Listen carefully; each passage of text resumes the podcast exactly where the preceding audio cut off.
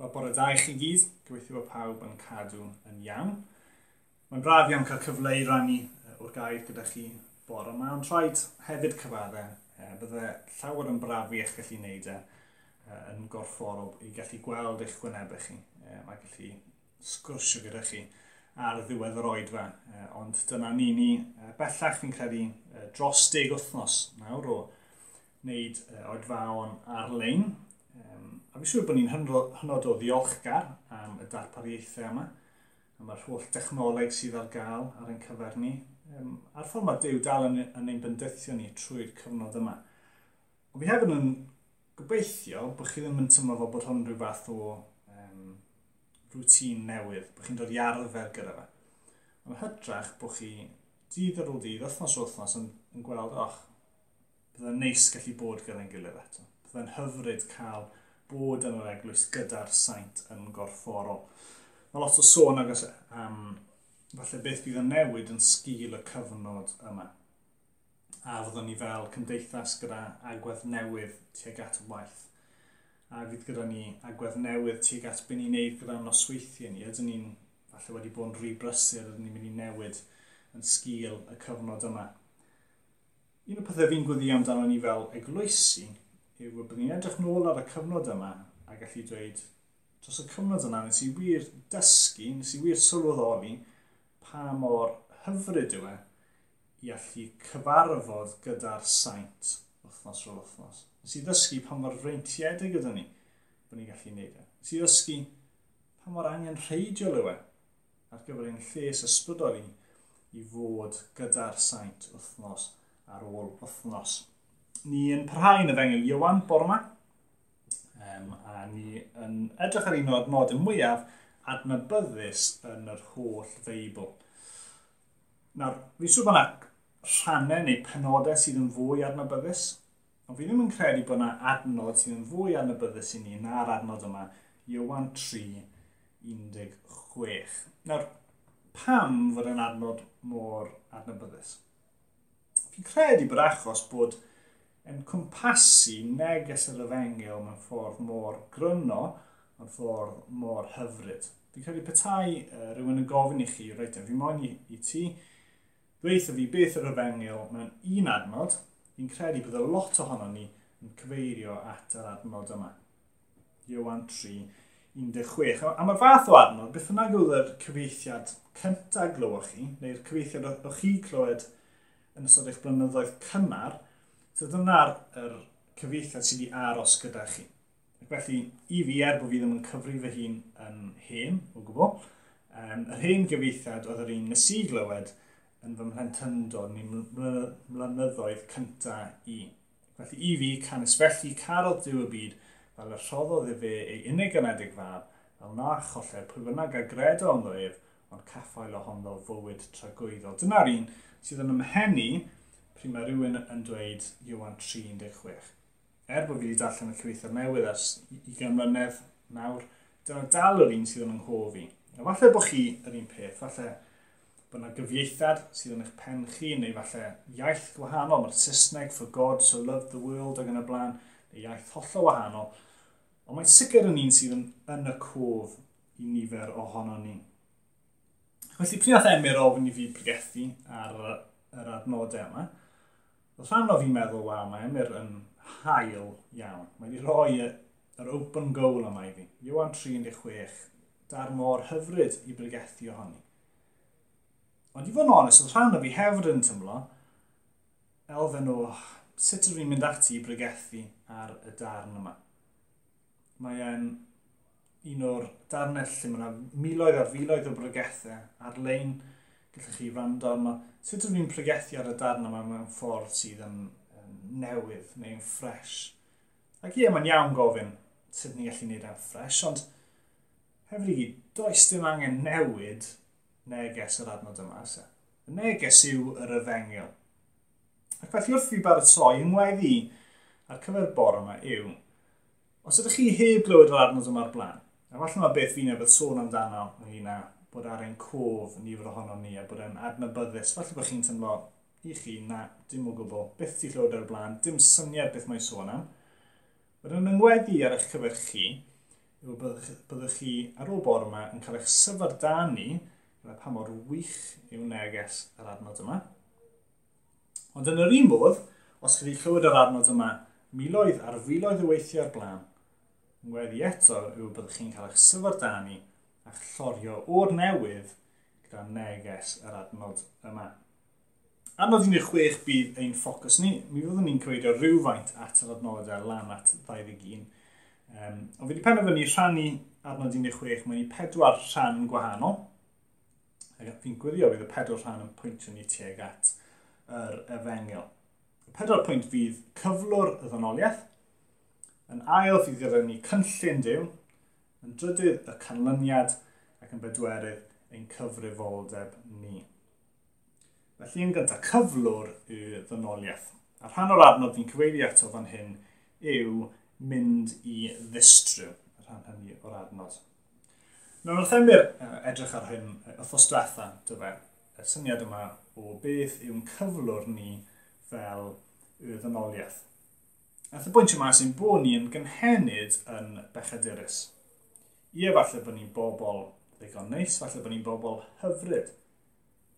Ond eto i gyd, bod ni'n gyd wedi syrthio'n fyr o safonau Dyw. Mae Rhyfeiniau 3 yn dweud hyn. Ie, pawb yn ddiwahaniaeth oherwydd maent oll wedi pechu ac yn amddifad o ogoniant Dyw. Mae arnod 19 yn Iowan 3 yn dweud, a dyma'r condemniad i'r goleuni ddod i'r byd – ond i ddynion garu'r tywyllwch yn hytrach na'r goleini, am fod ei gweithredoedd yn ddrwg. Dyna yw ein natur ni. Mae pob un ohono ni wedi syrthio'n fyr o safonau diw. Ers Genesis 3, ers y cwimp, mae pob un person wedi cael ei geni gyda'r cyflwr yma sydd yn broblem. Y cyflwr yma o bechod. Felly fi ddim yn trio gormod amser hynny achos nath emyr trin gyda y mater o thos diwetha. Be mae'r adnod yma'n cyfeirio fwy eto yw beth sydd yn digwydd i ni yn sgil ein natur ni. Beth a fydd yn digwydd i ni yn sgil ein natur ni. A beth mae'n dweud yw e- e- ein bod ni yn gwynebu distryw. Dyna yw cyflwr y dynoliaeth, yw distryw. A beth mae distryw yn meddwl? Mae adnod 18 yn sôn ychydig bach yn fwy wrthyn ni. Mae eto yn sôn am, os nad ydych chi'n credu, dyma beth sy'n digwydd i chi. Nid yw neb sy'n credu yn ddoef yn cael ei gondemnio, ond mae'r sawl nad yw'n credu wedi ei gondemnio eisoes, oherwydd ei fod heb gredu yn enw unig fab Dyw. Hynny, mae cywirias yr un gwirionedd o os nad ydych chi'n credu yn Iesu Grist, Y goblygiadau yw eich fod chi'n cael eich condemnio. A dyna beth mae'r disrw yn cyfeirio ato yw rhyw fath o farnedigeth a bydd yn dod ar pob un ohonon ni os fyddwn ni'n gwnebu diwedd ein hoes ni heb yr arwydd Iesu Grist. Arno 36 yn yr un benod yn dweud fel hyn. Pwy bynnag sy'n credu yn y mab, mae bywyd tragwyddol ganddo. Pwy bynnag sy'n anifydd i'r mab, ni wel fywyd, ond mae digofaint dew yn aros arno. Dyna yw goblygiadau'n cyflwr ni fel y dynoliaeth. Distryw, condemnio, digofaint diw. Dyna'r reality pob un ohono ni bore yma, heb yr adwydd Iesu Grist. Mae'n problem fawr gyda ni fel dynoliaeth. Bod ni'n gorfod gwnebu tra gwyddonddeb o fod ar wahân o dde, o fod ar wahân o'i ras e, o'i gariad e, o'i drigaredd e. Mae'n reality sydd yn uh, frawychus, mae'n reality sydd yn ofnadwy. Ond, a dyma yw yr ond fwyaf gewch chi erioed. Dyma beth mae'r Beibl yn pwyntio ti at yr, yr ond fawr yma yw fod Dyw wedi darparu cynllun. Dyna yw yn ail pwynt ni, yw cynllun Dyw. A'r diolch iddo, er bod ni'n heiddi disrhyw, mae Dyw wedi darparu cynllun. A fi'n sôn fan hyn am rhan cyntaf adnod. Do carodd Dyw y byd gymaint yn sydd â roi ei unig fab.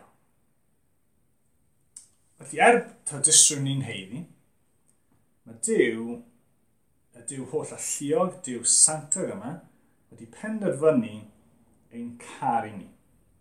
Ac felly mae'n darparu cynllun ar ein cyfer ni fel bod ni ddim yn gofod cael ein roi i ddistrio. Anwyl byddwch um, er fan hufen ia sy'n ddatgyrru heibio. Um, mae'n darparu cynllun ar ein cyfer ni i cael ein hachub. A'r ateb ar gyfer y cynllun yna yw mae rhaid bod yna aberth yn cael ei roi yn ein lle ni. A'r aberth yw yr arglwydd Iesu Grist ei hun, ei fab ei hun. Nawr, mae'r syniad yma i ran heleth o'r byd um, yn un eson iawn fod Dyw um, yn dryndod. Mewn cryfedd eraill, does dim byd fel hyn, lle mae yna ddiw, y tad, y mab, yr ysbryd glân. Dyw pobl ddim yn deall y peth. Mae pobl yn dweud, wel, nath, nath Dyw gweld bod, bod yna broblem, felly falle'n e creu mab, ar gyfer y broblem yna. O'n i'n gwybod bod hynny ddim yn wir, ydyn ni. Ni'n barod wedi edrych yn Iowan 1, a pwy yw yr arglwydd Iesu Grist yma. Yn y dechreuad, yr oedd y gair, yr oedd y gair gyda Dyw, a Dyw oedd y gair. Roedd ef yn y dechreuad gyda Dyw, daeth pob peth i fod trwyddo ef. Heb ddo ef ni ddaeth un dim sydd mewn bod. Yn ddo ef yr oedd bywyd, a bywyd goleini dynion y doedd. Mae'r goleini yn llywyrchu yn y twyllwch ac nid yw'r tywyllwch wedi ei drechu ef. Hynny, mi oedd e yna o'r dechreuad. Mae Hebreiaid 1 yn dweud bod rhywbeth tebyg i ni. Hwn yw'r un a bynododd Dyw yn y tifedd pob peth, a'r un y gwnaeth y bydysaw drwyddo. Ef yw disglei'r deb gogoniant Dyw, ac mae stamp ei sylwedd ef arno, ac mae'n cynnal pob peth a'i air nerthol. Mae'r Cris wedi bod yma o dagwyddoldeb ac mi fydd e yma hyd y dagwyddoldeb. Doedd Cris ddim, ddim yn rhyw fath o backup plan i ddew. Nath e ddim meddwl, wel, mae'n yna broblem gen i, felly mae creu Crist dyw y mab ac felly mi fydd gen i ateb ar gyfer y broblem yma sydd gen i. Na, mi oedd Crist yna o'r dechrau yn adlywyrchiad perffaith o'i dad ei hun. Ac felly mi roedd Christ, Christ yn rhan o'r cynllun, ac mi oedd e am fod yn rhan o'r cynllun. Doedd e ddim yn rhywbeth o syniad oedd gan diw y Tad, a diw y Tad yn dweud, Martin, mae rhaid i ti wneud hwn. Christ, gwrando am fi, off y ti, does dim dewis gyda ti. A dda cariad yma yn dod o'r efengil, o ffaith bod diw moyn bod mewn perthynas gyda ni. Mi oedd e yn gytun rhwng y tad a'r mab a'r ysbryd glân. Mae Iwan 18 adnod 11 yn dweud, uh, pryd mae Iesu'n cyrryddu Pedr, fe rhod y gleddyf yn ôl yn dywain, ond nid o'i fam yfed y cwpan mae'r tad wedi roi i mi. Mae Philippiad 2, penod, e, uh, Philippiad 2 adnod 6 yn dweud, Er ei fod ef ar ffurf Dyw, ni chyfrifodd fod cydraddoldeb a Dyw yn beth i'w gipio, ond fe'i gwacaodd ei hun gan gymryd ffurf ceithwas a'i dyfod ar we ddynol. O'i gael ar ddilltun, ei darstyngodd ei hun, gan fod yn ifydd hyd ange ie, ange ar groes. Hynny yw, er fod Christ yn ymwybodol o'r hyn oedd o'i flaen e, bydd Christ moyn dod achos ei fod yn caru ni. Mi oedd diw y tad a'r mab a'r ysbryd glân yn gytun yn y cynllun yma sydd ar gael ar ein cyfer ni. Nawr, wrth ni feddwl am yr arbeth, wrth ni feddwl am pa mor um, gostus oedd e, mae rhaid i ni um, feddwl am y perthynas yna rhwng tad a mab. A pa mor gostus oedd e, pa mor ofnadwy oedd e i Dyw yn gorfod condemnio ei fab ei hun. Bod Cris wedi gorfod mynd i'r groes dros o ni. Ni'n darllen yn ddiweddar am uh, Dafydd a'i fab Absalom Nawr, doedd Absalom ddim yn fab da. Okay, falle bod eich i blant yn teimlo fel bod chi weithiau yn ddrwg i'ch rhieni. Fi ddim yn credu bod un o'ch chi wedi bod mor ddrwg ag Absalom. Okay, Absalom yn trio lladd Dafydd, yn trio mynd o'i frenhiniaeth e. Okay, ddim e moyn bod yn frenin ac felly mi oedd yn, yn trio lladd ei dad ei hun. Okay, ac oedd yna frwydr yma, Absalom yn marw. Pryd mae Dafydd yn clywed, mae Dafydd yn dweud hyn, o Absalom, Absalom fy mab, o na fyddwn ni wedi cael marw yn dy le o Absalom fy mab, fy mab. Mae Dafydd yn wylo dros ei fab. E. Er fod Absalom ddim yn fab arbennig, ddim yn fab oedd yn caru ei dada. A e. chi'n cymaru yna gyda Dyw, a chi'n meddwl, wel, i roed Iesu Rhys yn fab perffaith, hyfryd. Ond eto i gyd, roedd Dyw yn fodlon roi fe ar y groes dros ni ni darllen yn ddweddar am um, Hudson Taylor yn mynd o Lerpwl i China i lle oedd e'n mynd i fod yn gwynedogaethu. Mi oedd e'n mynd ar y cwch, y cwch yma oedd e'n mynd i fod arno am 5 mis er mwyn cyrraedd China. So ni'n ôl yn uh, 1856, gyda rhywun cwyro fi arni. Um, ac dath ei fam ar y cwch gyda fe, wnaethon nhw canu uh, emyn gyda'i gilydd, ac yna mae'r fam mynd oddi ar y cwch. Okay? A doedd Hudson Taylor ei fam byth mynd i weld ei gilydd eto. Okay? A dyma beth mae Hudson Taylor yn dweud am y profiad. Then I shall never forget the cry of anguish wrung from my mother's heart. It went through me like a knife. I never knew so fully until then what God so loved the world meant, and I am quite sure my precious mother, learnt more of the love of God for the perishing in that one hour than in all her life before. I never knew so fully until then what God so loved the world meant. Oedd i Hudson Taylor weld y cariad oedd gyda'i fan teg ato fe, mae'n sylweddoli boes bach faint yn fwy oedd e gostio, pa mor ofnadwy oedd e i Dyw i ofod roi ei fab ei hun, y mab perffaith yma, ar y groes yn ein lle ni. Falle bod uh, chi sydd yn rieni bore yma'n meddwl, wel, fi'n caru'n plentyn i cymaint, sut allai garu'n fwy? Wel, mi oedd Dyw yn caru Iesu Grist ei fab cymaint yn fwy na chi. Ond eto, mi oedd yn fodlon ei roi e ar ein cyfer ni. Felly pan oedd Christ yn y gardd yn gofyn os oes unrhyw ffordd arall i wneud hwn, ond y wyllus ti, mae Dyw dal yn dweud na, sori. Pan oedd Christ ar y groes yn dweud fy niw, fy niw, pa ham rwyt wedi fy ngadael i, dal o'r ateb, oedd sori, mae rhaid i hyn ddigwydd. Pam? Dim achos diffyg cariad Dyw y tad sy'n Christ y mab, y gwrthwyneb oherwydd faint o Dyw yn ein caru ni. Roedd faint o Dyw yn caru ei fab a'r mab y tad, nhw moyn i'r cynllun yma ddod at ei gilydd. I gyd fel bod nhw'n gallu ein ennill ni dros nhw ei hunan. Dyna oedd y cariad. Do, carodd Dyw y byd gymaint fel y rhoddodd e fe ei unig fab. Mae'r adnodd yn dweud bod y cynllun yma ar gyfer y byd. Nawr mae rhaid penderfynu ffocysu ar y gair byd o safbwynt swm meintiol y cariad. So bod ni'n edrych ar y ffaith bod yna 7 biliwn o bobl yn y byd ar y foment, a faint o bobl sydd wedi bod ers addag gefa lan at nawr, mae'n biliynau bod Dyw yn gallu caru'r holl bobl yna, o pob gwlad, o pob iaith, o pob math gwahanol, bod y swm yn gallu bod yn iawn ar gyfer yr holl bobl yn ni. A mae hynny'n iawn, hynny'n rhywbeth i ni feddwl, waw, pa mor anhygoel yw hynny. Ond fi'n credu bod e'n well ac yn fwy syrdanol, os ni edrych ar y byd, mewn safbwynt o ansawdd cariad Dyw. Hynny yw bod ni'n edrych ar y qualitative, dim y quantitative. Bod Dyw yn edrych arno ni, y byd yn ein brynt ni, yn ein pechod, yn ein hunanoldeb, yn ein gwrthod ohono ef, a'i fod e eto yn penderfynu ein caru ni. Nawr, gallwn ni fynd trwy rhestr o falle bychodau mawr y canrifoedd diwetha. Yr Holocaust neu unrhyw beth fel yna, dwi fel, o Dyw, hyd yn oed yn fod yn marw dros y pechodau hynny. Fi'n credu, roedd sy'n fwy pwerus, a falle nôl i Ddemir yn sôn am wrthos diwetha, mae'n cyflwr ni fel pobl yw pethau mynd i edrych yn ni ein hunain.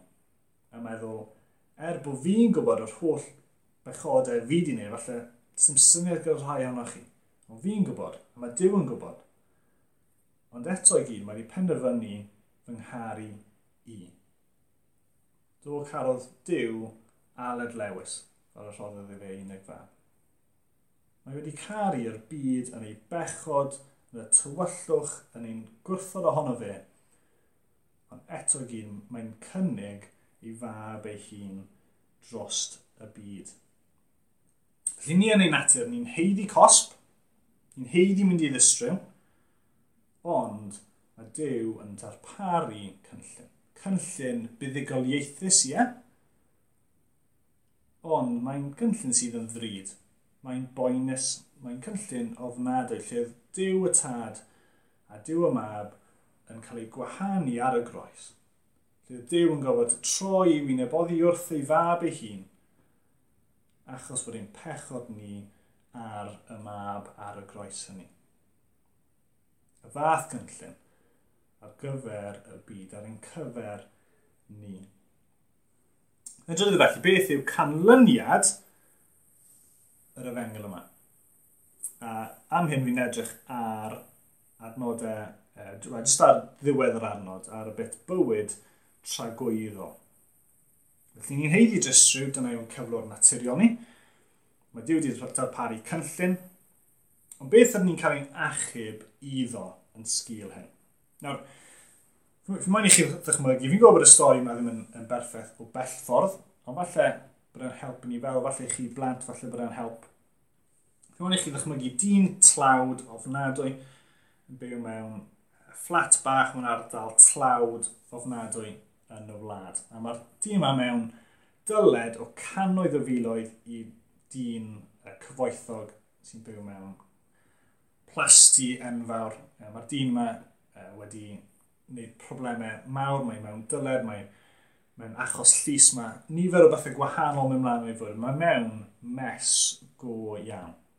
A fel arfer, os chi mewn dyler, beth sydd yn digwydd yw bydd y dîm cyfoethog yn anfon pobl draw i'r tŷ ac yn dweud, reit yn, erbyn mis nesaf, mis bod ti'n talu hyn a hyn nôl i fi, erbyn mis nesaf ar ôl hynny, mis ti'n talu hyn a hyn, a hyn a hyn a hyn a hyn. Os na rydw ti'n neud hynny, mi fyddai'n dechrau mynd a, a pethau sydd yn y tŷ, sydd yn werth arian, byddai'n ffôn neu'r watch neu piano neu beth bynnag, os ti ddim yn talu rhain yn ôl, wedyn falle i carchar, neu dechrau um, preso charges yn erbyn ti. Hynny yw, dyna beth sy'n flad fel yn digwydd. Ond yn lle i wneud hyn, mae'r dyn cyfoethog yn dod at y tŷ un dydd ac yn dweud, er bod ti'n mewn canoedd o filoedd o dyled i fi, er bod gyda ti dim byd i'w gynnig i fi, ti'n methu rili really roi dim byd yn ôl i fi, er bod ti'n heiddi, falle mynd i'r carchar, ti'n meddwl be, fi'n mynd i penderfynu canslo y ddyled yn llwyr okay, fi'n mynd i cymryd y ddyled arno fi fy hun. Okay, does dim angen i si boeni, mae gyd wedi mynd, paid y poen amdano fe, cer byw dy fywyd offa ti.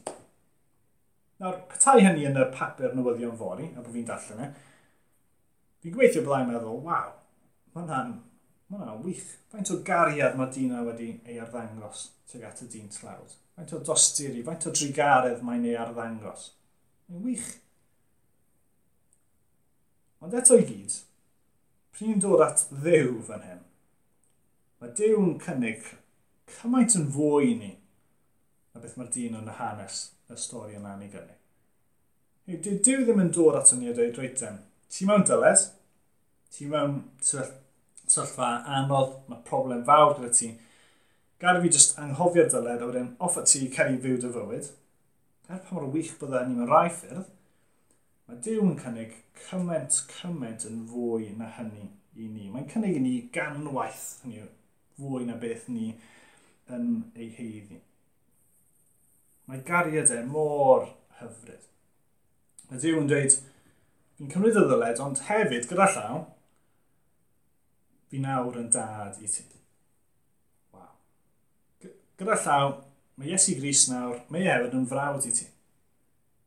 Gyda llaw mae yr ysbryd glân, fi'n fi mynd i roi'r ysbryd glân yno ti. I, i, i dy helpu di ar draws dy fwyd i. Fi'n fi roi e i ti. Gyda llaw, mi fydd e ydi rhyw ddydd gyda fi yn y nefoi. Dwi e ddim jyst am camlymedd, mae am dragwyddoldeb. Bydd dim crio, bydd dim poen. Gyda llaw, rhyw ddydd, mi fyddet ti'n cael gweld Iesu Grist y mab. Hynny Dwi ddim jyst yn dod ac yn dweud, reit, fi'n mynd i dalu hwnna off o ti ceri fyw dy fwyd. Na, mae, mae Dyw yn ymroi i ni, mae'n rhoi cyment a dyn ni ddim yn heiddio. Ond eto i gyd, mae ei gariad ein gorlifo tuag atom ni. Ie, mae'r distryw, o'n i'n sôn am yn y pwynt cyntaf yn ofnadwy, ond mae'r tragoeddoldeb, mae Dyw yn ei gynnig yn ôl y cynllun, yn wirioneddol wych hefyd. Mae yna fendithion di-ri yn ôl y canlyniad. Na'r Iwan 17 adnod 3 yn dweud, a hyn yw bywyd tragwyddol, dy adnabod di, yr unig wir ddew, a'r hwnna am fonais ti, Iesu Grist. Mae'r adnod dweud, dyma beth yw bywyd tragwyddol, yw adnabod diw, adnabod Iesu Grist, bod nhw'n adnabod ni. Ie, mae'r adno'n dweud bod wedi cael byd i gyd, ond ydy hwnna'n na bod ni yn ôl i'n enw ni. Ni mae'n perthynas gyda fe. Gwirionedd arall hyfryd um, yw Iwan 5, 24. Yn dweud fel hyn. Yn wir, yn wir, rwy'n dweud wrth eich fod y sawl sy'n gwrando ar fy ngair i ac yn, ed, ac yn credu'r hwn am hanfonodd i yn meddu ar fywyd tragwyddo, nid yw'n dod dan gondemniad, i'r gwrthwyneb, mae wedi croesi o farwolaeth i fywyd tragwyddo. Hynny yw, ni wedi dechrau hynny nawr. Dyna beth fi'n aml yn anghofio. Weithiau fi'n gallu edrych ar beth mae Dyw wedi rhoi fi, beth yw'r canlyniad yr efengyl. A fi'n gallu meddwl, wel, mae'n rhai ddod, pa mor hyfryd hynny. Mae Dyw yn dweud bod ni wedi wneud hynny nawr. Bod ni'n dechrau ar ein etifeddiaeth ni nawr. Dyna pa mor hyfryd yw neges yr efengyl. Nawr, Yn amlwg gallwn ni pregethu ar um, pedwar pwynt heddi, a gallwn ni wneud pregeth ar un o'n nhw os yna'r mwy nag un pregeth. Mae yna wirioneddau mawr hyfryd yn yr adnodau yma. Ac felly gai anwch chi i dreulio amser yn meddwl am y pethau yma wythnos yma. O'n i'n tymlo wythnos yma wrth i fi droi i baratoi. Yn aml yn y 5 munud, 10 munud cyntaf, ni edrych ar Iwan 36 a ni'n tymlo, o, oh, okay, Gret. O'n i gallu bod bonbon eitha oeraidd tuag at nhw. Ond wrth fi dreulio amser, wrth fi fyfyrio ar y gwirioneddau, o'n i'n dechrau wedyn wir sylweddoli pa mor wych yw'r efengyl. Felly gai anwch chi, yn wedig gan bod lot ohono ni falle gyda fwy amser ag arfer, i dreulio amser yn myfyrio ar y pethau yma. I sylweddoli fwy a fwy e, faint o diw yn ein caru ni trwy yr, efengel. A fi'n gweddio, gweithio byddwch chi'n cael eich taro, byddwch chi'n cael uh, rhyw elfen newydd o hynny wrth i chi fyfyrio ar y pethau yma, wythnos yma.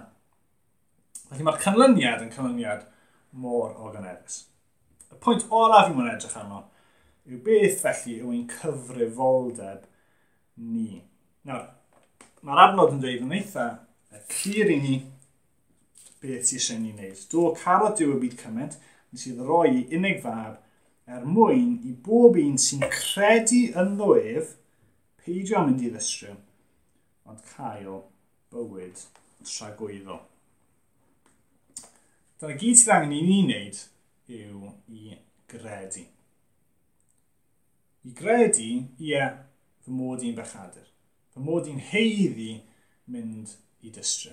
Dyna yw fy natur i yn fy ynfynonoliaeth yw hynny dim byd fi gallu gwneud amdano. Ond, trwy ddiw, mae yna ffordd i ni ddatrys y problem. Bod e wedi rhoi cynllun i ni, lle ni'n gallu rhoi ein ffydd ni yn yr ardd Iesu Grist, a bod ni'n gallu dweud, wel, mae amhychodau i wedi marw. A mae'n mor syml a hynny a credu yn ddofyn.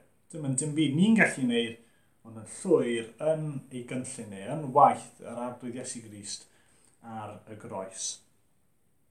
Does dim rhyw fath o link ar y gair credu yma. Lle chi'n clicio arno fe, a mae wedyn yn dweud, yn rhan o'r credu, mae hefyd ysg chi'n gwneud hwn, hwn, hwn, hwn, hwn, hwn, hwn, er mwyn ddim mynd i ddysio, er mwyn cael bywyd trwy'n Na, mae mor syml a credu yn yr arglwydd Iesu Grist dewch at Iesu. Bydd e byth yn eich gadael chi lawr. Bydd e byth yn dweud, na, sori, fi, fi ddim eisiau ti. Mae adnod 17 yn adnod hyfryd. Oherwydd nid i gondemnio'r byd ar anfonodd Dyw ei fab i'r byd. Mae dy mwyn i'r byd gael ei achub trwyddo fe. Hynny, mae Dyw y tad a Iesu Grisas wrth ei bod yn achub. Dim pwynt Cris yn dod i'r byd oedd wedyn bod Dyw yn gallu condemnio'r byd na. Ni'n heiddi'n condemnio ta beth. Ond trwy anfon yr abydd Iesu Grist, mae nawr ffordd i ni ddim cael ei condemnio. Dyma oedd y holl pwynt. Mae Dyw wrth ei fodd yn achub pobl yn dweud, ti'n meddwl mae dy bechod ydi wedi mynd, mae nhw wedi cael ei roi ar y groes, ti nawr yn blentyn i fi. Mae Dyw wrth ei fodd yn gwneud hynny. Wrthnos diwethaf, welwn ni, um, Nicodemus, do fe, dod yn y tywyllwch, yn ei embarrass fel petai. Ond mae'n dod at Iesu Gris, mae'n dod at y goleini. Cys yn cofio eto nôl i Iwan uh, 1, mae'n dweud, ynddo ef yr oedd bywyd, Iesu Gris, a bywyd goleini dynion y doedd. Mae'r goleini yn llywyrchu yn y tywyllwch, ac nid yw'r tywyllwch wedi ei drechu ef. Iesu Grist yw y goleini. Adnodau 19 i 21 yn dweud hyn. A dyma'r condemniad. I'r goleini ddod, Iesu Grist wedi dod, i'r byd, ond i ddynion garu'r tywyllwch yn hytrach na'r goleini, yn fod ei gweithredoedd yn ddrwg. Oherwydd mae pob un sy'n gwneud drwg yn cysau goleini, ac nid yw'n dod at y goleini rhag ofn i weithredoedd gael ei dadlenni. Ond mae'r sawl sy'n gwneud y gwirionedd yn dod at y goleuni. Fel yr amlygur mae yn niw y mae yw weithredoedd wedi ei cyflawni. Ydych chi'n mynd i ddod at y goleuni? Gai ddweud mae'n mae wirion i aros yn y tywyllwch. Mae gyda ni y cynnig yma o'r arglwydd Iesu Grist, y goleuni. Dewch ato fe. Os nad ydych chi yn credu bor yma, Fi yn gwyddio wrth i ni edrych ar y darn o bor yma bod chi wedi cael eich syfodani gyda pa mor wych yw'r yfengel sydd ar gael ar ein cyfer ni. Ei, fod e ar gael i chi, pwy bynnag ydych chi. Ac fod e ar gael, dim ond i chi gredu yn yr arglwydd Iesu Grist. Beth ydych chi am ei wneud? Os ydych chi'n gristion, ymhyfrytwch yn yr yfengel yma. Meddyliwch amdano fe peidiwch yn meddwl, o, dyma'r un hyn efengyl, fi'n gwybod hwn. Na, meddyliwch o'r newydd bor yma, pa mor ddiolchgar ydych chi. O Dyw yn cynnig hyn ar ein cyfer ni. A'i fod e wedi gofod roi ei fab ei hun er mwyn gofod cynnig hyn i ni. Ond dyna oedd faint o dde yn eich car i chi. Do. Caro Dyw y byd cymaint, nes iddo roi ei unig fab. Er mwyn i bob un sy'n credu ynddo e peidio mynd i ddistryw ond cael bywyd tra gweiddo. Yn ei fyddio. O ddim tan, ni'n diolch i ti am yr efengel.